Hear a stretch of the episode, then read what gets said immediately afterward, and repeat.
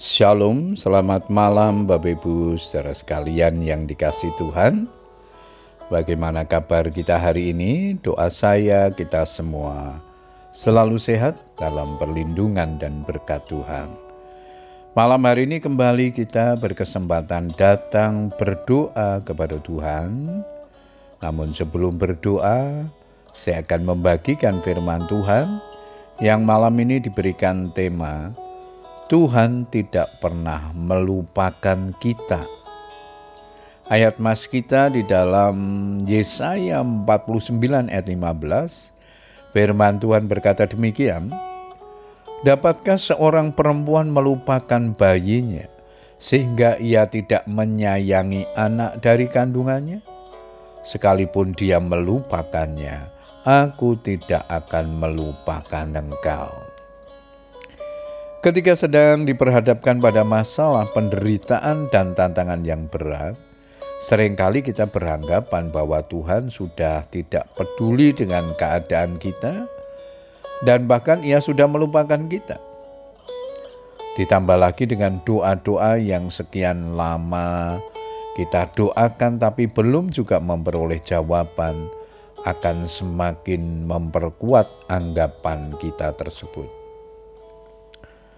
Kalau kita berpikir demikian, berarti kita tidak mengenal Tuhan dengan benar. Kita hanya melihat dan menilai segala sesuatu dari sudut pandang kita. Hal pertama yang seharusnya kita lakukan adalah mengoreksi diri, sebab ada tertulis: "Sesungguhnya tangan Tuhan tidak kurang panjang untuk menyelamatkan, dan pendengarannya tidak kurang tajam untuk mendengar." Tetapi yang merupakan pemisah antara kamu dan Allahmu ialah segala kejahatanmu, dan yang membuat dia menyembunyikan diri terhadap kamu sehingga ia tidak mendengar ialah segala dosamu. Yesaya 59 ayat 1 dan 2. Inilah jawaban Tuhan, aku tidak akan melupakan engkau. Seorang ibu yang sedang menyusui memiliki sensitivitas yang tinggi terhadap bayinya. Sekalipun sang bayi berada di ruangan yang berbeda, sesibuk apa pun ibu, ia sangat peka ketika anaknya menangis dan membutuhkannya. Bila ibu di dunia ini bertindak sedemikian rupa, apalagi Tuhan kita, ia lebih peka terhadap kebutuhan anak-anaknya dan tahu yang terbaik bagi anak-anaknya. Bukankah ini menjadi satu jaminan bagi kehidupan kita orang percaya?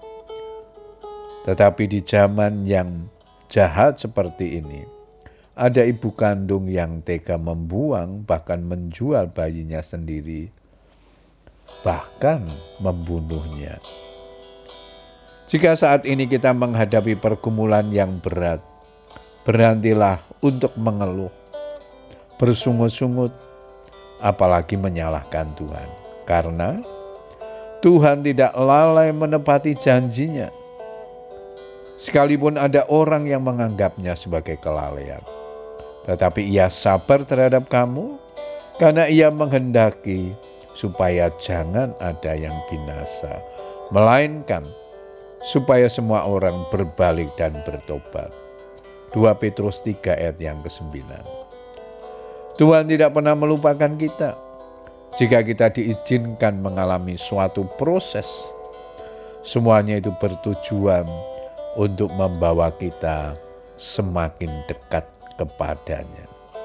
Puji Tuhan Bapak Ibu Saudara sekalian, biarlah kebenaran firman Tuhan yang kita dengar dan renungkan malam hari ini menolong kita untuk terus mempercayai Tuhan dalam segala keadaan, Dia tidak pernah meninggalkan kita, bahkan tidak akan pernah melupakan kita sedetik pun. Percayakan segala pergumulanmu, masalahmu, keinginanmu kepada Tuhan. Dia Allah yang terus bekerja di dalam kehidupan kita. Selamat berdoa. Tuhan Yesus memberkati. Amin.